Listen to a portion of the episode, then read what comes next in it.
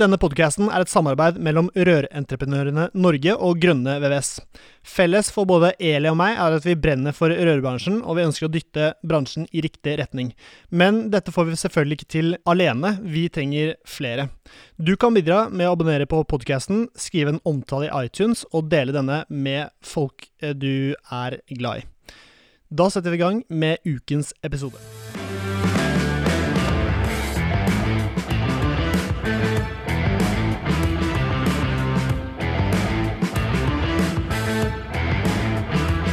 Hei, hei, og hjertelig velkommen til en ny episode av Bare Rør med Eli Hermine Heidal Eide fra Rør-Norge og Serit Poppe Midteide fra Grønne VVS. Um, altså, du har vært litt pjusk i det siste, Eli, har du ikke det? Nei, Har du jeg har jo ikke det. Syns du har sett litt uh, syk ut, jeg. Nei, Men kunne ikke du ha vært det? Fordi det Jeg passet late som jeg har vært syk, da. Ja, okay. Jeg pleier ikke å fake sykdom, men jeg kan gjøre det akkurat Nei, den timen det? her, liksom. ja. Det fins jo folk som, uh, som gjør det. Ja, ja. Uh, fake sykdom. det er mye du kan fake, Severin. Ja, definitivt. Mm. Og eh, dagens uh, tema er jo sykefravær. Mm. Og det har jo mange små og store bedrifter utfordringer med. Det kan jo gjøre at prosjekter tar lengre tid, og at ting stopper opp litt. da. Så Det kan koste veldig mye penger òg. Det er Mm. dyrt å ha folk som er syke på jobb. Mm. Så det er jo ikke bra. Og i dag skal vi få en bedre oversikt over hva man gjør, hvordan man kan håndtere det, og eh, ja, hva man, eh, hva man må gjøre da, hvis man får en syk, eh, en syk mann eller dame på, på jobb.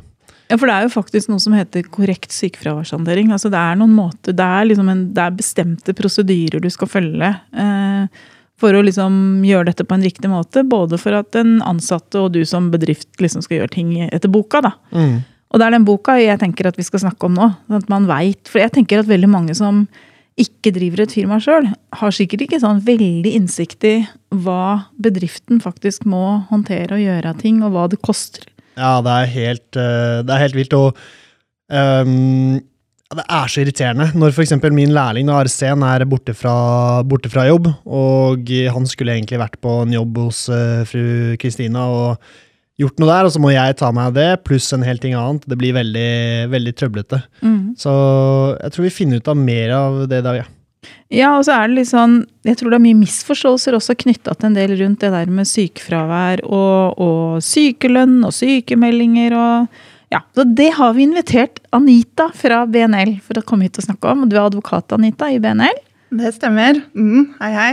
Det betyr jo at du er en bitte liten mikroskopisk andel ansatt i firmaet til Severin, f.eks. I alle det- medlemsbedriftene. Ja, det går an å se på det på den måten. Mm. Men kan ikke du forklare det, da? Fordi alle medlemsbedriftene Du snakker jo, Det er mange som, eh, som hører på som ikke er medlem Ja, i det kan jeg jo fortelle, kanskje. Ja, det kan du kanskje. Det er mye reklame her fra Nei, men det er ikke reklame, det er jo bare ren folkeopplysning. Ja, ok. Det skjer hver episode. Men jo da, men greia er at jeg jobber jo da i Rørentreprenører Norge, som er en bransje- og arbeidsgiverforening for rørleggerbedrifter i Norge. Den eneste i så henseende. Um, og vi jobber jo med å prøve å bygge bransjemuskler. Men det vi liksom har som hovedoppgave, det er å jobbe med rammebetingelsene til deg, Severin, og alle andre som driver rørleggerbedrift. Eh, alt som skjer som ingen ser at skjer. Altså det at læreplaner er i orden, det at tekken er i orden, det at eh, når myndighetene skal gjøre endringer på ting som påvirker rørleggerfaget, enten på den ene eller andre måten, så jobber alle vi som er i bransjeforeningene for at vår bransje skal liksom kunne få best mulig betingelser. Da. Mm. Uh, og Byggenæringens Landsforening er da en paraply som favner eh, både rør og mur og boligprodusenter og ja, alle bransjer da, som jobber med norsk eiendom, altså jobber med bygg. Ja, Byggebransjen. det stemmer. Det er 14 bransjer innunder eh, BNL. Og så er rødbransjen en av dem. Og vi er jo 630 bedrifter i Rør-Norge. Det betyr at eh, alle de store er med, og så er det mange av de mellomstore, og litt for få, syns jeg, da, av de små. For det er mange som ikke tenker over at all dette her Jeg jobber jo vel så mye for de bedriftene som ikke er medlem i Rør-Norge. Så bransjemusklene våre hadde blitt kjempestore hvis vi hadde vært flere. Så det er jo også en greie, da. Men det er en annen skål. Mm. I dag er på en måte greia at um, når vi skal snakke om sykefravær, så er det sånn at når våre medlemmer, og da er det rørentreprenørenes medlemmer, da, Severin, Mm. uh, får et problem rundt at det er en ansatt for eksempel, som har utfordringer på jobb, eller at det, det kan være en konflikt, eller ja, så kan man snakke med dere advokatene i BNL, ikke sant? Ja, det stemmer. Eh, For i BNL så har vi en sånn arbeidsgiverpolitisk avdeling eh, som jobber med arbeidsrett. Kollektiv og individuell arbeidsrett. Og alle medlemsbedriftene til rørentreprenørene har gratis eh, rådgivning, juridisk rådgivning på arbeidsrett fra oss. Så da er det bare å ta kontakt med oss eh, på telefon eller e-post. Og da er jo temaet vi skal snakke om i dag, som vi har bedt deg om, det er å snakke om det med sykefravær og sykefraværshåndtering. Eh, Men da kan vi også, altså hvis det er noe rundt det, så kan man også ringe og snakke med deg eller noen av dere, ikke sant? Absolutt. Og det er ikke noe Det er liksom bare å finne bnl.no, så finner man dere, og så ringer man. Så ringer man. Det er, Det er så enkelt. Så enkelt. Mm. Men uh, hvilke problemstillinger er det du ser at uh, rørbedriftene har, uh, har størst utfordringer med? Eh, Det, handler ofte om at man har en ansatt som kanskje har vært sykmeldt lengre tid. Kanskje arbeidsgiver opplever at det er vanskelig å få tak i vedkommende, at den blir helt taust. Eh, og så er det mange som er litt sånn redde for hva er det man kan spørre om, og hva kan man ikke spørre om, og og hvor, hvor går grensene? Og, og hvilke krav er det som gjelder til meg som eh, leder i forhold til oppfølging? Mm. Men hvis jeg har en ansatt da, som blir sykemeldt, så har jo jeg egentlig som arbeidsgiver ikke så veldig mye med hva det er, eller? Jo, for det, er jo sånn Tidligere så var det det at uh, man sa at det å være syk, det er en privatsak. Uh, men det er det jo absolutt ikke. Nei. Nei. Så det er eh, forventet at arbeidsgiver tar kontakt eh, med eh, den ansatte som blir syk. Og ofte, det er jo mye omsorg i det å ta kontakt også. Mm. så det er jo veldig viktig at eh, man som leder følger opp og gjør. Mm. Ja, det er Ja, for, men jeg har, hørt, ja, for jeg har hørt folk si liksom, ja, så ringer sjefen og kontrollerer meg. Er jo, det er jo noen som kanskje føler litt at eh, sjefen driver og kikker liksom, og prøver å liksom, finne ut hva du driver med. Det har jo med forholdet med sjefen også å gjøre. da. Hvis, Jo, men- hvis sjefen er en dust, så, er det jo, så føler du at det er eh, kontrollerende. Eller jeg det- det tror være at også det han- kan føles sånn selv om du ikke har en sjef som er dust. altså. Ja, det kan være. Og det er jo litt sånn forskjellig. altså Du er en bedrift med to ansatte. Men når du da begynner å få en bedrift med flere ansatte, så må du på en måte ha gode rutiner for å håndtere det her. Og det er vel et krav at du som leder av en bedrift, eller den som har HR-ansvar, da, skal gjøre en viss oppfølging når ansatte er sykemeldt. Ja, det er det. Og det du sier med rutiner, det er veldig viktig. Fordi at hvis de rutinene er kjent for alle ansatte, så er det jo ikke så rart at eh, leder tar kontakt med en som er syk. fordi da er det Ja. sånn man gjør det. Eh, Og da er det ikke noe spesielt eh, når akkurat jeg er syk. Da er det da leder tar kontakt. For da er det i henhold til rutinene. Er det sånn at, eh, at det finnes noen rutiner et sted for sykefraværshåndtering som man kan kjøre, gjøre kjent for de ansatte? Eh, Dette er jo noe som eh, bedriften selv skal utarbeide i samarbeid med verneombud og tillitsvalgt og ansatte. Men eh, nå er jeg- er helt sikker på at på Arbin Ja, Arbin.no. ja, at der ligger det noen forslag. Eh, og så er helt sikker på at Arbeidstilsynet også, den eh, nettsiden til Arbeidstilsynet, også har eh, noe om det her. Inne, jeg gikk jo og googla med en gang, jeg er inne på arbin.no, som er da en portal NHO har lagd, hvor det ligger jeg holdt på å si det meste av det som handler om å være arbeidsgiver. Ja. ligger Der inne. Der ligger det faktisk noe som heter Skritt for skritt i sykefraværsoppfølging. Eh, og da står det på en måte alt altså Det står veileder fra før fravær, under egenmelding, oppfølgingsplaner, dialogmøter, aktivitetsplikt. Altså det står uh, ramsa opp maler for hvordan du skal håndtere de forskjellige situasjonene. Da. Mm. Mm. Så um, Og så er det en annen nettside som er utrolig eh, bra, som heter idébanken.org. Uh, og det er en nettside som er eh, et uh, utarbeida samarbeidsprosjekt fra partene i arbeidslivet og, myndighetene, mener jeg. eh, hvor det er utrolig mange gode tips og råd eh, for eh, bedriftene til å jobbe med arbeidsmiljø og følge opp sykefraværet. Ok, så jeg får en ansatt. Jeg bør ringe han for å høre hvordan det går. Og eh, hva mer burde jeg spørre om eh, da? Hvis du får en ansatt som er syk, da, så har dere sikkert eh, regler, kanskje i personalhåndbok eller arbeidskontrakt, at når man blir syk, så er det den ansattes ansvar å ta kontakt med en gang, gjerne før arbeidstiden starter, og sier at eh, man er syk eh, og ikke kan komme. Og med det så bruker jo den ansatte en egenmelding eh, den dagen. Og så er det jo det at hvis dette fraværet går utover eh, tre dager, som er de, det man kan bruke på egenmelding, eh, så fra dag fire så skal det jo da komme en sykemelding. Og så er det jo på et eller annet tidspunkt så bør man jo som leder følge opp og ta kontakt. Eh, Men man kan jo også ha sånn at når man har, har varsla at man er syk den første dagen, så må man også si fra neste dag hvis man fortsetter å være syk. Det, det kan, kan jo variere fra hvert sted. Ja, For det står inne på Arbin at hver bedrift oppfordres til å lage egne rutiner som er kjent hos de ansatte for hvordan du skal håndtere det. For noen bedrifter er det ikke greit nok at man sender en tekstmelding f.eks. Noen tenker jo liksom at nei, jeg sender bare en melding av hei, det er Petter, jeg er sjuk i dag. Mens noen bedrifter sier at vet du hva, hvis du er sjuk, så skal du faktisk ringe inn. Og du skal være ganske daudsjuk før du ikke klarer å ringe inn om morgenen og si at eh, du, vet du, jeg er så dårlig, jeg kan Nei. ikke komme, liksom. Det er veldig sånn forskjell i hvordan Men jeg tror det handler om å være forutsigbar da, som bedriftsleder og si at sånn har vi det også, sånn er det her. Og det er noe av det første du liksom lærer når du onboarder en ny ansatt. Ja. Så er jo det en del av det jeg tenker at du må informere om, og det bør jo også stå i en sånn personalhåndbok. Selv små bedrifter bør vel ha en sånn liten blekke på sånt? Ja, det er jo lurt, for da er det forutsigbart. Og da har det skrevet ned et sted, og så kan man søke det opp hvis man skulle komme opp i en situasjon. Da. Og så er det, blir det like regler for alle. Eh, Og det er jo også en fordel, da. Så at man ikke behandler noen ulikt. Ja. Men hvis jeg har en ansatt som f.eks. har brukket en arm, så er det jo litt vanskelig å jobbe som rørlegger hvis du har brukket en arm. Men det kan jo hende jeg som arbeidsgiver tenker at Nei, men, eh, nå har Severin brekt armen sin. Jeg kan bruke han for det. Ja, du får komme på jobb hver dag, Severin, for jeg har jobb til deg på kontoret, og jeg har en del ting du kan gjøre for det. Kan man nekte det som arbeidstaker? Nei, fordi at eh, arbeidsgiver har en tilretteleggingsplikt.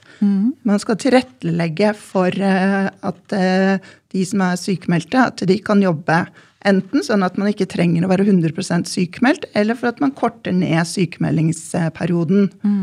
Eh, Men det som er lurt, er jo at eh, arbeidsgiver i forkant gjennom disse rutinene informerer om den tilretteleggingsplikten.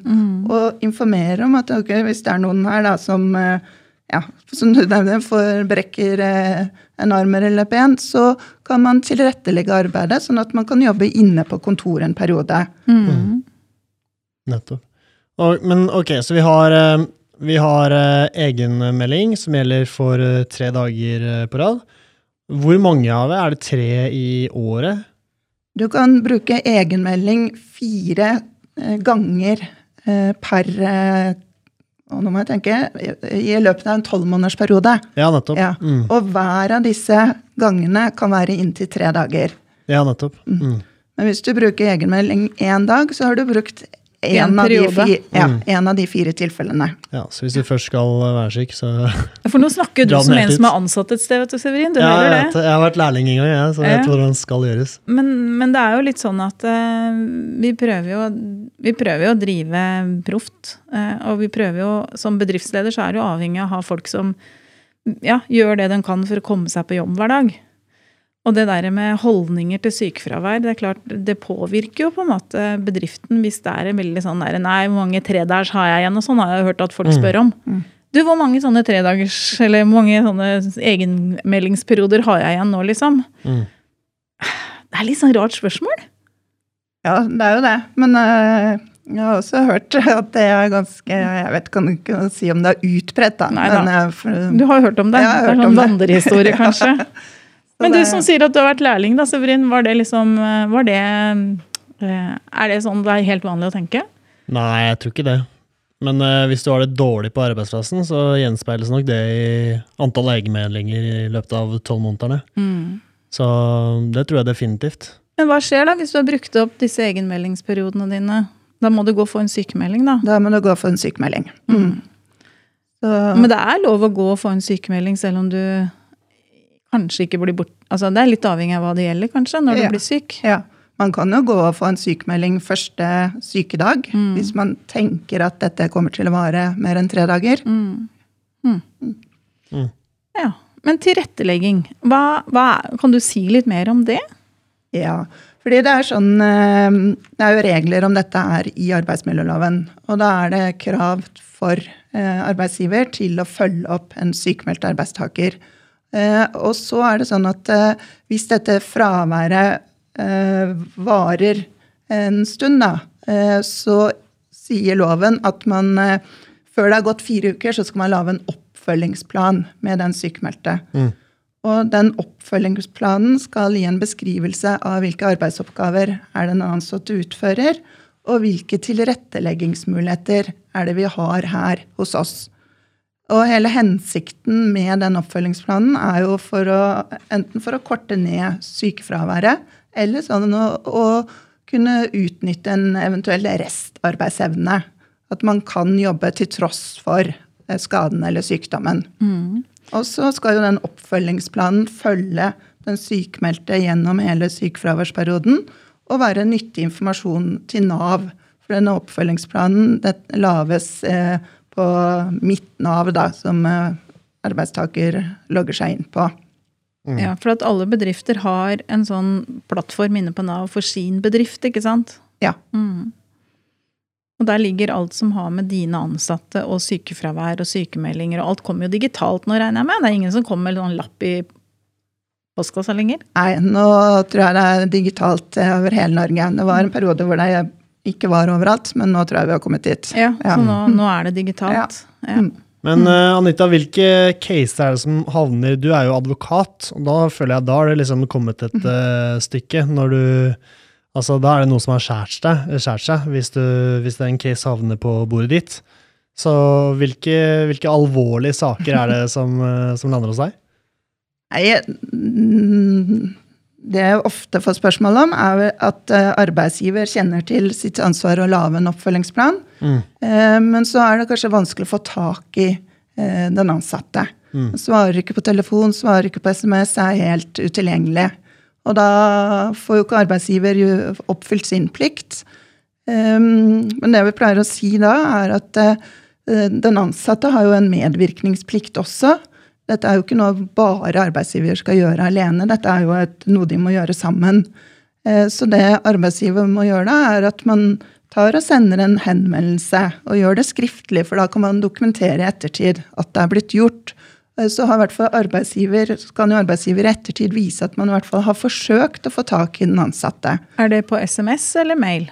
Eller begge deler? Eh, gjerne begge deler. Jeg pleier ofte, Du kan godt ta og sende en SMS uh, og si at 'nå har jeg sendt deg en mail'. Yeah. Ja. Så da har man en god dokumentasjon på det. Og så er det jo etter hvert så kan jo arbeidsgiver skrive inn i oppfølgingsplanen at uh, man har forsøkt å få tak i den ansatte, men ikke har lykkes med det. For da er dette informasjon som Nav får, og som kan være nyttig for Nav. For det kan jo få konsekvenser for retten til sykepenger. Ja. Så det er sånn gjenganger et spørsmål som kommer. Det hører jeg ganske ofte, at folk sliter med folk som rett og slett altså, Og det er folk jeg tenker sånn, de har jo andre ansatte som er veldig fornøyd, men det er jo ofte noen kan altså Du kan jo bli sjuk, Ja. og du kan bli sjuk i huet, holdt jeg på å si. Altså, det kan jo være at du rett og slett ikke har det bra.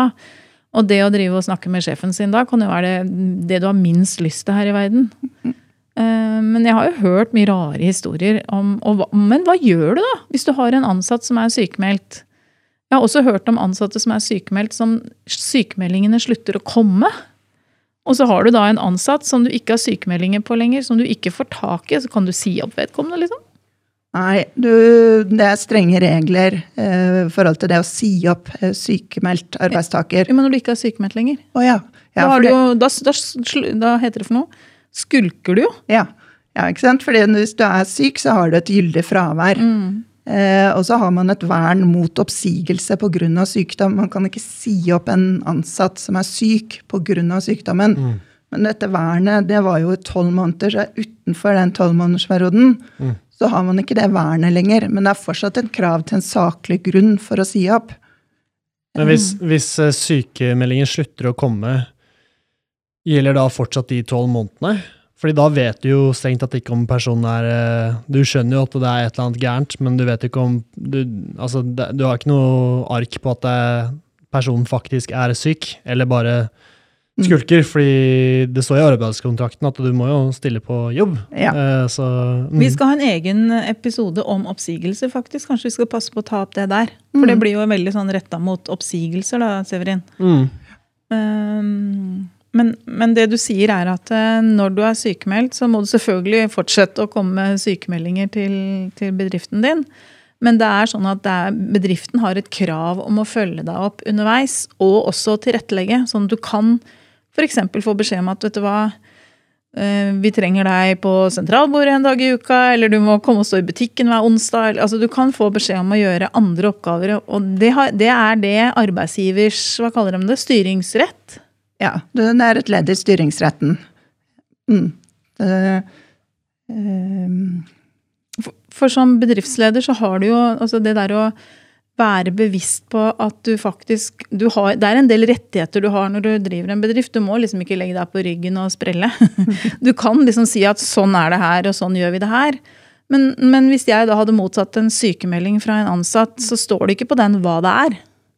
Nei, for man har jo ikke krav på å vite diagnosen. Eh, Men veldig ofte så vet arbeidsgiver likevel mye. Eh, Jeg har inntrykk av at eh, det er veldig vanlig at man liksom kjenner Man kjenner jo sine ansatte, så man har jo ofte litt sånn følelse på hva det handler om, da. Ja. Og da vil det også være kanskje lettere å tilrettelegge for den ansatte. Mm. Mm. Ja. Og lærlinger. Eh, kjapt innom det også. Um, for de kan også bli syke, og de har jo en læreperiode på Hvis du er eh, vanlig lærling, så er det på to og et halvt år, og fire på voksenlærling. Eh, hvordan er det med utsettelse sånn på eh, læretida hvis du har et eh, langt fravær? Ja, fordi da er det sånn at hvis du har hatt et langt fravær, så har du jo Som lærling så har du ikke noe krav på å, å få læretida di utsatt i den bedriften. Mm. Men det er jo selvfølgelig noe man kan bli enige om i bedriften. Da er det jo helt greit. Mm. Men det er ikke noe som den lærlingen ensidig kan kreve selv. Nei, nettopp. Men fylkeskommunen kommer jo til å kreve at læreperioden blir lagt til, men det er ikke dermed sagt at du da får den perioden i den bedriften du egentlig går i lære hos. Stemmer. Nei. For hvis du da tegner en kontrakt da, Severin, med noen som begynner 1.8.2023, og så varer den i to og et halvt år, så er det jo da ut 2024 Ja, det blir jo først i første annen Første tredje 2026. Mm. Hvis den, lærer, hvis den lærlingen kanskje har vært syk da, i løpet av den perioden, så, og du ser at ja, her må vi forlenge med to måneder, så kan du altså Normalt sett så vil jeg vel tro at de fleste vil jo gjerne forlenge den læretida og latt lærlingen gå opp til svenneprøve i egen bedrift. Men hvis det er en lærling du tenker at dette er en lærling som jeg ikke, ikke passer vedkommende inn i bedriften, og ikke skal vedkommende jobbe her siden, så kan du jo sette ned foten og si at nei, vet du hva, vår avtale er fram til 1.3.2026. eh, Og det du måtte ha igjen av læretid etter det, det er ditt problem. liksom. Altså, Er det så kynisk? Ja, noen steder så er det sånn, og det kan jo være ulike grunner til at det blir sånn. Eh, Men det var en sak som kom for Høyesterett, og da var det en lærling som hadde hatt et sykefravær på åtte måneder, og som krevde læretida forlenget tilsvarende. Eh, Og da ble resultatet i den saken at det kunne ikke lærlingen kreve. Nei. Nei. I Høyesterett? Mm, kom til Høyesterett. Ah, såpass? Da har det vært litt uenighet oppover, da. Ja, var nok det, da. Mm. Ja, for da ville jeg byttet bedrift enn uh, heller enn å sitte i retten hele tiden. Kan nok hende var en uh, fagforening som også gjerne ville ha prøvd saken, kanskje. Det kan være. Ikke så usannsynlig, det. Ja, det kan være. Men det er jo fordi at eh, um, altså Det er jo forskjellige årsaker til at man kanskje ikke ville videreføre, og det kjenner man jo ikke til. Det kan jo ha blitt noen prinsipper her som ikke vi kjenner til. Mm. Eh, Men det som er viktig, er i hvert fall det at når du har en lærling som blir sykemeldt, så er det veldig viktig å registrere og sende inn til opplæringskontoret de periodene den lærlingen faktisk ikke er på jobb. Og det Mm. er fordi at eh, når man skal opp til svenneprøven så De fleste er ganske nervøse før de skal opp til svenneprøven. og én måned kan bety ganske mye i forhold til hvor godt du håndterer den sendeprøven. At det- at du kanskje har vært sykemeldt en måned eller to, kan jo være en grunn til at du kanskje ikke er de som står i første køen for å ta sendeprøven når eh, prøvesesongen starter. Mm. Eh, Så det er viktig å ha litt struktur på det, altså være obs på det, da. For det er jo på en måte Bruker du Altså, læretida det er basert på at du er på jobb, liksom. Og ikke egentlig, egentlig er sjuk i det hele tatt. Sånn at hvis du er syk, så skal det forlenges. Mm. Eh, Og bedriften er jo som regel, tror jeg, interessert i å forlenge. Du har jo forhåpentligvis ansatt en du har trua på og ønsker å bruke ressurser på å lære opp, og da vil du jo ikke slippe vedkommende hvis, det, hvis, hvis du har muligheten til å beholde dem. Mm. Mm. Jeg er enig. Ja. Eh, har vi gått gjennom alt når det kommer til eh, sykefraværet? Nei, jeg tror det er helt sikkert veldig mye igjen. Altså, men det viktigste lovverket å forholde seg til, Anita, det er arbeidsmiljøloven. Ja.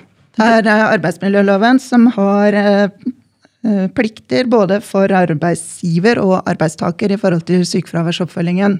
Og da er det jo den tilretteleggingsplikten til, som arbeidsgiver har, som står veldig sterkt. da. Mm. Eh, også det som eh, pleier å anbefale bedrifter å gjøre i forhold til eh, tilrettelegging, er at man sammen med verneombud eller tillitsvalgt eh, i forkant av, eller i forbindelse med at man utarbeider sykefraværsrutiner, at man eh, eh, går gjennom f.eks. rørlegger hos oss. Hvilke tilretteleggingsmuligheter er det vi har hos oss for rørleggere? Eh, Fordi at Hvis man da får et sykefravær, så kan eh, man sende med dette eh, skrivet på tilretteleggingsmuligheter eh, med en ansatte, så man kan ta med det til legen. Fordi at legen kjenner jo ikke nødvendigvis til hvordan det er å jobbe som rørlegger, og hva som er tilretteleggingsmulighetene i din bedrift. Mm. Og på den måten så slipper man kanskje full sykemelding, eller kanskje man får kortet ned sykeperioden. Der har vi faktisk hatt noen utfordringer etter vi begynte å få flere jenter i bransjen. For det er noen leger som i det øyeblikk de hører at du jobber som rørlegger, så skal du sykemeldes fra dag én.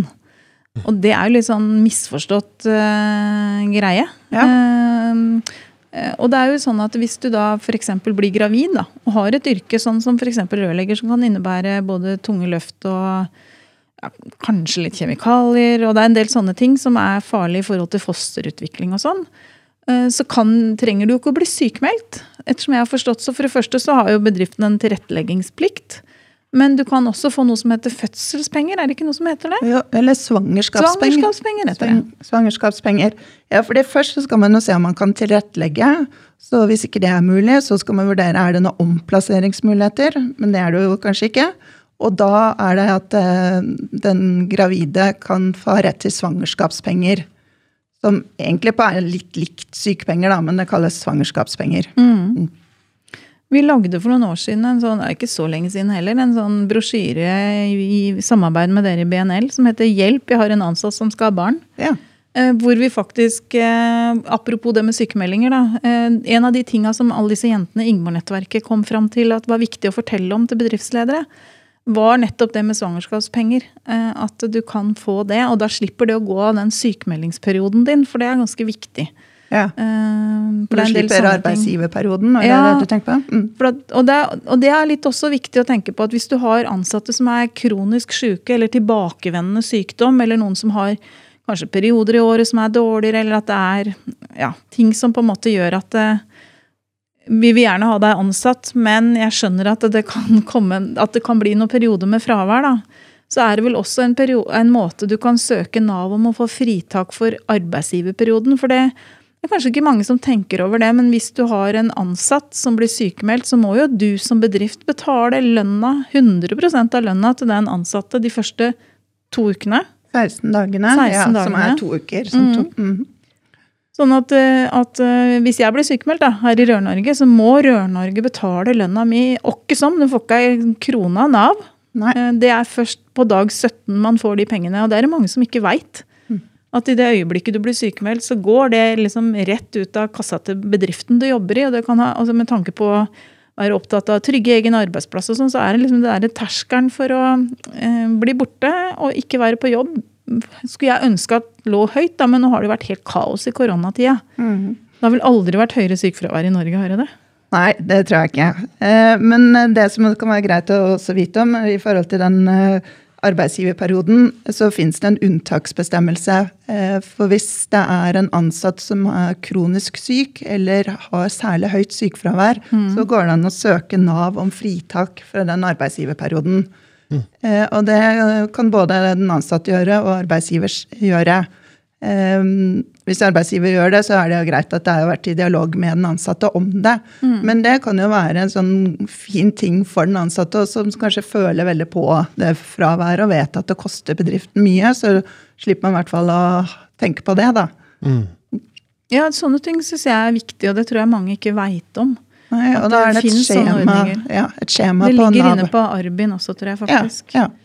Så det, ligger, det meste ligger der. Men i den arbeidsmiljøloven, er det bare å gå inn på lovdata.no og så skrive arbeidsmiljøloven? ja. Er det noen spesielle kapitler du tenker at det, det er viktig at man, både som ansatt et sted, men spesielt som bedriftsleder, faktisk har lest seg gjennom, liksom?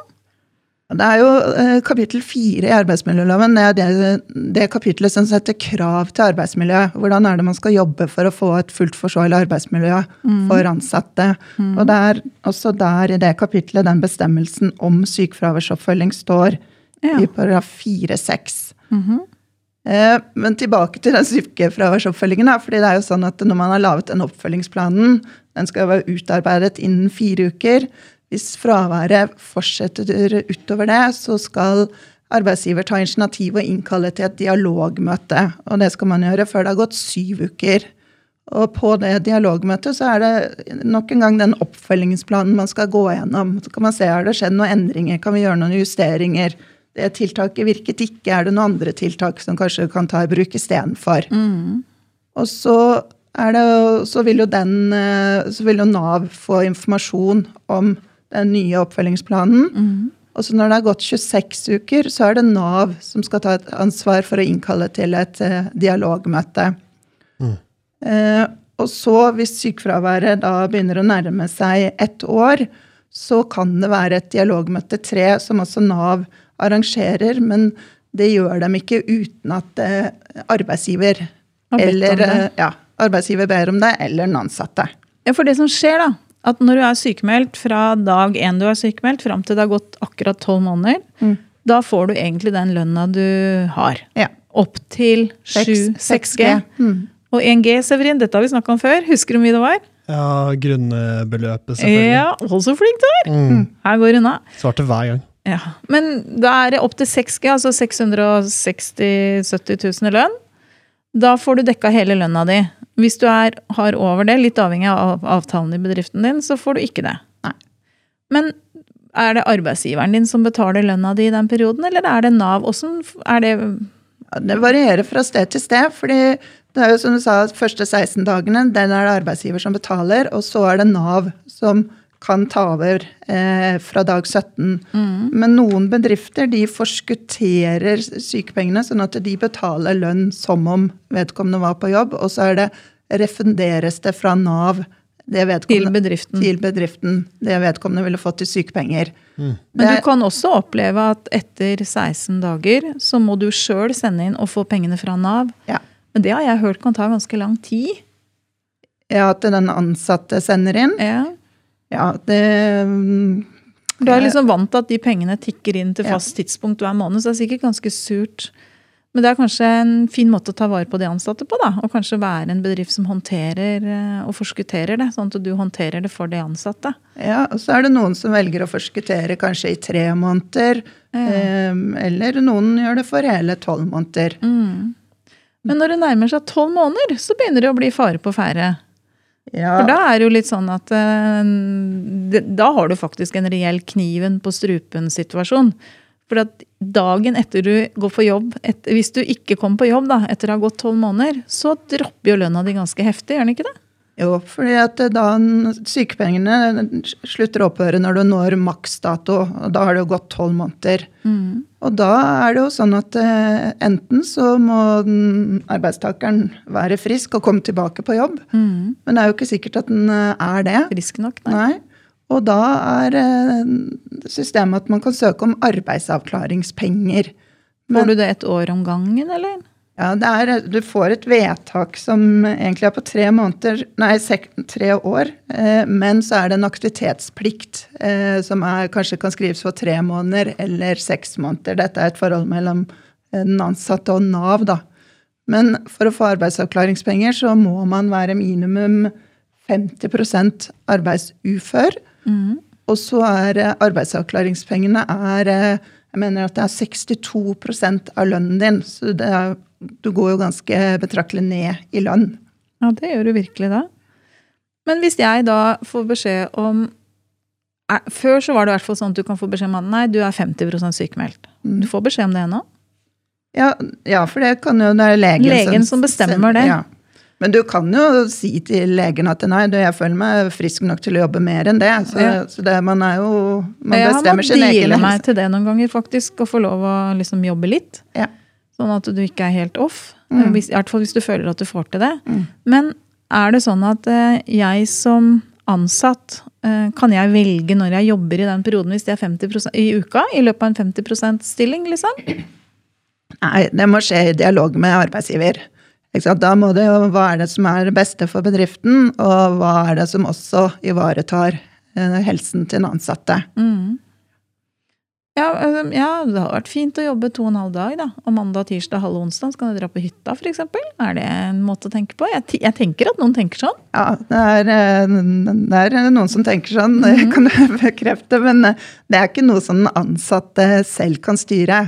Eh, man kan komme med et ønske, men så er det opp til bedriften å se passer det for oss. Ja, så er det jo litt sånn, Hvis du er sykemeldt fordi du ikke orker å jobbe full dag, så er det veldig rart hvis du da orker å jobbe full dag hvis du bare får to og en halv dag fri. Ja, så Det må jo være medisinsk begrunnet hvorfor du akkurat bare kan jobbe til de bestemte tidene. og Det skal vel litt til kanskje å begrunne det medisinsk. Men betyr 50% sykemeldt at du skal være borte fra jobben i 50% av tiden, eller betyr 50% sykemeldt at du skal gjøre halvparten av den jobben du egentlig gjør ellers? Det kan bety begge deler. fordi dette er egentlig snakk om tilretteleggingen. Eh, skal man tilrettelegge arbeidstiden, sånn at man eh, reduserer arbeidstiden? Mm. Eller så kan man også justere på arbeidsoppgavene, eller mengden av arbeidsoppgaver. Så at mm. man kommer, er til stede full dag, men bare gjør halvparten av jobben mm. på full tid. Mm. Så dette her må man bli enige om som ansatt og arbeidsgiver. Mm. Hm. Det er mye, mye, å forholde seg til, altså. Ja, mye. Men uh, har du advokater som dette i bakhånd, så høres det jo veldig greit ut, egentlig. Jo, men jeg tror kanskje det er litt sånn viktig å vite det. For at, uh, jeg har jo fått høre også mange sier det at uh, du har noen inne. De er på, det er jo ofte prøvetid i et halvt år. Og så, man, så, begynner problemene, er det mange som sier. ikke sant? Når det har gått noen måneder og folk har vært ansatt, og så kan det bli mye sykemeldinger og mye fravær. Og det er på en måte veldig viktig å være nøye og liksom følge, altså, sjekke referanser og ansette folk som gjør at du har folk som faktisk er på jobb. da. Ja, og så er det sånn at hvis du har ansatt som er i prøvetid, som blir syk, så det er veldig viktig at man passer på at man i arbeidsavtalen har tatt inn Eh, en eh, setning da, som gir arbeidsgiver rett til å utvide prøvetiden med lengden på sykefraværet. Ja. Men den muligheten har man som arbeidsgiver bare hvis det er tatt inn i kontrakten. Så da, hvis man da får sykefravær i løpet av prøvetiden, så kan man altså forlenge prøvetiden med eh, Den perioden, ja. ja. Men da må man informere den ansatte skriftlig om at man forlenger prøvetiden. Betyr det at hvis jeg skal ansette noen, så kan jeg sende forslag til ansettelsesavtale til dere i BNL, og så bare tar dere en kjapp kikk på det for meg? Absolutt. Det gjør vi ofte. Ja, så kjekt. Det må du huske, Severin, når du skal ansette noen. Jeg sendte den i går, ja. Det var litt sent, men uh... Ja, du gjorde det, ja. ja men uh, jeg tror den var, den var selvfølgelig dritgod, så jeg tror det går, uh, går Du har brukt Arbin, da, eller henta han der? Masse Arbin, ja. Ja, det er bra. Mm. Eh, jeg lærte en gang i verden ja, at eh, og jeg har en mann som gjentar det til stadighet, men du skal yte etter evne og få etter behov. Og det er egentlig sånn det der norske sykefraværs Egentlig så er hele det norske samfunnet bygd opp på tillit. Man har tillit til at folk gjør så godt de kan. Og det med sykefravær er jo Det har jo vært veldig mye fokus i mange år nå på det å få ned sykefraværet i Norge. Fordi det koster oss veldig mye penger som samfunn. da. Men er det noe sånn Du kan jo bli sånn AI-bedrift. Er det fortsatt aktuelt? Ja, IA-bedrift. IA, ja, så der kan du se! Det var nesten. IA-bedrift heter det. Inkluderende arbeidsliv står det for, ikke sant? Det stemmer. Mm. Men eh, nå har man gått litt bort fra det med å være IA-bedrift. For det, Ja. det å være IA-bedrift det var jo et ledd i IA-avtalen Mm. som eh, for forrige periode. Eh, Men det, og det å være IA-bedrift, i det så lå det bl.a. at man hadde lengre egenmeldingsperiode. Eh, Det var åtte dager istedenfor tre dager. Eh, Oi. Men mange har jo valgt å beholde det eh, fortsatt, da. Ja. Selv om man ikke er såkalt IA-bedrift lenger. Fordi man tenker at det har fungert for seg. Ja. Mm. Og det kan man jo fritt gjøre. Eh, Hvilken som helst bedrift kan velge egentlig å bruke hele arbeidsgiverperioden som egenmeldingsdager, opptil 16 dager. Mm. Så, men de fleste tror jeg nok følger det som følger, er regelen i folketrygdloven, med tre dager fire ganger i året. Men hva skjer hvis du ikke følger de reglene som Nav har satt for sykefraværshåndtering? Um, det er eh, I forhold til den ansatte så kan det jo få konsekvenser for retten til sykepenger. At du ikke får lønn, liksom? Ja. Mm. Eh, I forhold til arbeidsgiver så er det ikke Nav har vi ikke noen sanksjoner mot arbeidsgiver. Tidligere var det det, men det gikk de bort ifra. Så nå har ikke Nav det. Men Arbeidstilsynet fører jo tilsyn Mm. med at eh, bedriftene har sykefraværsrutiner, annet. Mm. Hm. Men nå er det kanskje de store tariffbundne bedriftene som først blir fulgt opp og sånt. De små bedriftene, jeg vet ikke om hvor mye de blir fulgt opp og sånt. Har du jo en gang hatt noe tilsyn fra Arbeidstilsynet, Severin? Nei, det har jeg ikke. Men kan det skje, liksom? Ja, absolutt. De går jo til store og små bedrifter. Mm. Eh, De fører jo såkalte risikobaserte tilsyn. altså De velger jo ut eh, bedrifter ut ifra eh, ja, i hvilken bransje de er, og så gjør de et utvalg, da. Mm. Mm. Er det noe vi ikke har snakka om nå, tenker du? Som du har, du har sikkert masse på hjertet, men jeg bare tenker på, er det noen temaer som, eller noen nyanser vi ikke har snakka om, liksom? Er det helt sikkert, men jeg kommer ikke Som du akkurat på kommer det. på nå? Nei, jeg tenker i hvert fall at eh, Også du, Severin, som er et lite firma, du kan jo være litt mer fleksibel på sykefraværshåndtering. Mm. Og som du har en ansatt som blir borte en dag, så må jo du betale lønna til vedkommende uansett. Det er ikke noe krav om at han må rapportere inn sånt da, Anita? Nei, men man skal jo registrere sykefraværet. Det skal man i bedriften. Ja. Men eh, På Nav, eller? Hvor, hvor skal man registrere den, eller er det i et eget system? Eh, Det er Ja, nå ble jeg litt usikker her. Skal, arbeidsgiver skal føre statistikk, statistikk over sykefraværet. Mm. Eh, Ja, og og det- er etter retningslinjer fra Nav. Ja. Ja. Så det er på en måte en, det er en Du kan gjerne være grei mot de ansatte liksom, og si at ok, bli hjemme i dag, men pass på at du fører det opp et sted. Det er vel det som egentlig er greia, da, at du har, en, har oversikt over det. Mm. Sånn at når året er slutt, så kan du lage en oppsummering på det. Ja. Ja. Og så bare i forhold til egenmelding og for så vidt sykemeldinger òg. Eller i hvert fall egenmelding, det er jo veldig sånn tillitsbasert system. Mm. At den ansatte selv vurderer at man ikke er i stand til å jobbe den dagen Mm. fordi man er syk. Men så hender det at vi får eh, eh, henvendelser fra arbeidsgivere som har mistanke om at eh, den ansatte misbruker eh, egenmeldingen. Ja. Eller kanskje til og med sykemeldingen. Eh, Og i sånne tilfeller så har arbeidsgiver mulighet til å bestride den sykemeldingen. Hvordan gjør du det i praksis? For da tar man eh, kontakt med en ansatt, og så eh, hører nærmere forklaring på hva, hvorfor er vedkommende syk. Fordi retten til sykepenger er jo avhengig av at du er, ikke kan jobbe fordi du er syk eller skadet. Mm. Men så kan det være liksom, omstendigheter rundt som eh, gjør at arbeidsgiver får en mistanke om at ikke vedkommende er ikke syk eller skadet. Det kan være at man har lagt ut ting på sosiale Og medier. jeg spilte fotballgall på Ja, lørdag. Mm. Ja, ikke sant? Et eller annet som skurrer, da. Og da må man ta det opp med en ansatte, og så kan arbeidsgiver ta skrive et, eh, en, ta en henvendelse til Nav hvor man begrunner hvorfor er det man mener at vedkommende ikke er syk pga. sykdom eller skade. Mm. Og så er det Nav som tar stilling til om det var riktig eller ikke. Og da tar jo Nav kontakt med fastlegen eh, til den ansatte. Mm. Og så Nav får, har jo tilgang til mer informasjon enn det Mm. man som arbeidsgiver har. Mm. Hm. Ja, da blir det dårlig Nå stemning. blir det dårlig stemning, men det er på en måte, det er litt din egen skyld. Da, hvis du har eh, Jeg husker faktisk når jeg jobba på opplæringskontoret, at eh, det er noen som er litt gjengangere for å ikke komme på fagteori, f.eks. For, eksempel. for jo, det, var jo liksom, det var jo en arbeidsdag på lik linje med en dag på jobb. Det var bare at du var på skole den dagen med lønn fra arbeidsgiveren din. Og da var det jo noen du la merke til at kanskje var litt mye fraværende. Så det hendte jeg ringte da og sa hei, nå er det liksom første time over, og nå er vi i gang. Hvor er det blir av deg i dag? Å, nei, jeg har glemt å si ifra, jeg er sjuk i dag. Ja. Veldig mye trafikk inn på det soverommet ditt, liksom. Og ute og gikk da, ikke sant. Ja, må, må ha litt mat. Og så fikk du høre at folk hadde sett vedkommende på Ikea og helt andre steder, liksom. Og det er liksom åh, Jækla god lunsj på IKEA. da. Ja. Ikke sant? Så det er noe med å prøve å mm, bruke huet litt, da. Ja. Kom deg på jobb. Ja. Nei, det, altså, det er jo greit at man som eh, leder kjenner til muligheten til å bestride, men det er jo ikke sånn man skal gjøre hytt og pinne. Nei. Du blir ikke veldig poppis som sjef da. Nei. Nei. Men det kan hende at eh, altså, Hvis jeg hadde jobba i en bedrift hvor jeg hadde en som stadig vekk slurva unna, holdt jeg på å si, så går jo det utover meg og min arbeidsplass. Jeg hadde blitt litt forbanna på en som liksom sneik seg unna, for det er det du gjør. Ja, det er jo det. Sånn at eh, Det kan nok hende de kollegaene dine hadde skjønt det hvis, eh, hvis det var en som på en måte Nå, nå er det bra. Nå er begeret fullt, liksom. Ja. Men ja.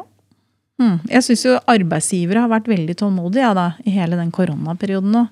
Det må ha vært ganske frustrerende å være arbeidsgiver i disse åra, altså. I forhold til å håndtere alle endringer og avvik og kaos. Ja, det vil jeg tro. Jeg tror det har skapt mange utfordrende situasjoner rundt omkring. Men jeg syns veldig mange har vært veldig flinke til å snu seg rundt og og fått det til. Mm. Men det beste rådet er vel egentlig å være flink til å ha forutsigbare rutiner, da. Altså Ja. når du ansetter noen, så sørg for at de får vite slag, hva slags rutiner du har i din bedrift. Sånn at du skjønner åssen det fungerer. Ja. Og kanskje passe på å snakke med lærlinger også, når de begynner om nettopp det. For jeg husker første jobben min, så var jeg litt sånn derre Du skjønner ikke helt åssen systemet fungerer, verken i forhold til lønn og sykepenger og altså alt rundt det. Så bare forklare det litt, for det er jo første jobben for noen, så er det jo litt sånn masse nytt. Jeg tror det er viktig å være, være litt gjennomsiktig på hvor, hvor mye f.eks. bedriften taper, da. Ja. Og uh, hvor de pengene som du får, kommer fra. Og uh, uh, vise helheten, og at vise at bedriften trenger disse pengene for å gå rundt. Og hvis du ligger hjemme på sofaen og kanskje er litt pjusk, så er Kanskje bedre å være på jobb og være litt pjusk. Være litt pjusk på jobben istedenfor. Mm. Jo, for det er faktisk sånn at selv om du er sykemeldt, og du får dekka Na- Nav dekker lønna di etter 16 dager, så er det jo sånn at eh, hvis du hadde vært på jobb og produsert, så ville jo det vært en helt annen greie. For du får jo ikke noe inntjening Selv om du får dekka lønna til den som er sykemeldt, så får du jo ikke noe inntjening på den ansatte som ikke er på jobb. Så det er klart at mm, det er ganske lønnsomt å få folk til å komme på jobb, selv om de ikke klarer å yte 100% en dag eller tre. Hvis du klarer å yte 70-80% så er det liksom eh, bedre enn at du er hjemme, faktisk. Mm. Og det er liksom kanskje fort gjort å glemme, da. Absolutt. Det er jo anslått at en ukes sykefravær eh, i snitt koster 17 000 kroner. I, dette er tall fra 2020, da. Ja, for en normal arbeidstaker i, med sånn gjennomsnittlig lønn, Ja. liksom. Mm. Hva er det du sa på hvor lang tid? En uke. En ukes En uke. fravær 17 000. Ja, nettopp. Uff. Du, skal tjene, du skal jobbe noen timer da, Severin, med å skru rør, altså for å tjene inn de penga når Mm. noen du har, ikke produserer. Mm. Eh, Så dette er jo bedriftsøkonomi, faktisk. Mm. Veldig gøy. Ok, bra.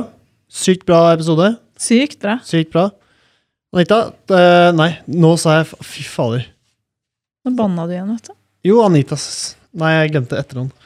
Anita Hegg. Ja. Skulle nesten si hekk, men det ble Hegg. Ja, ja. ja, ja. Det er en hekk. Du kan sikkert ha en eh, hekk av heggetrær. Det kan være. Anita Hegg. Ta, Anita Hekk, faktisk. Eller Hegg. Anita Syk eh, Hekk. Eh, takk for at du kom. Og eh, håper du kommer tilbake om ikke så lenge, for det tror jeg du gjør. Tusen takk. Veldig hyggelig å være her. Vi prates. Halla, hvis du likte denne podcasten, hadde vi satt utrolig stor pris på om du abonnerte og gir oss en tilbakemelding i avspilleren. Eh, spre gjerne ordet videre til andre i rørbransjen som brenner for rørleggerfaget og er opptatt av å drive en seriøs rørleggerbedrift. Mitt navn er Severin Poppe Midteide, og med meg har jeg co-host Eli Hermine Heidal Eide. Sammen er vi to podkasten Bare Rør med Eli og Poppe. Et samarbeid mellom Grønne VVS og Rørentreprenørene Norge.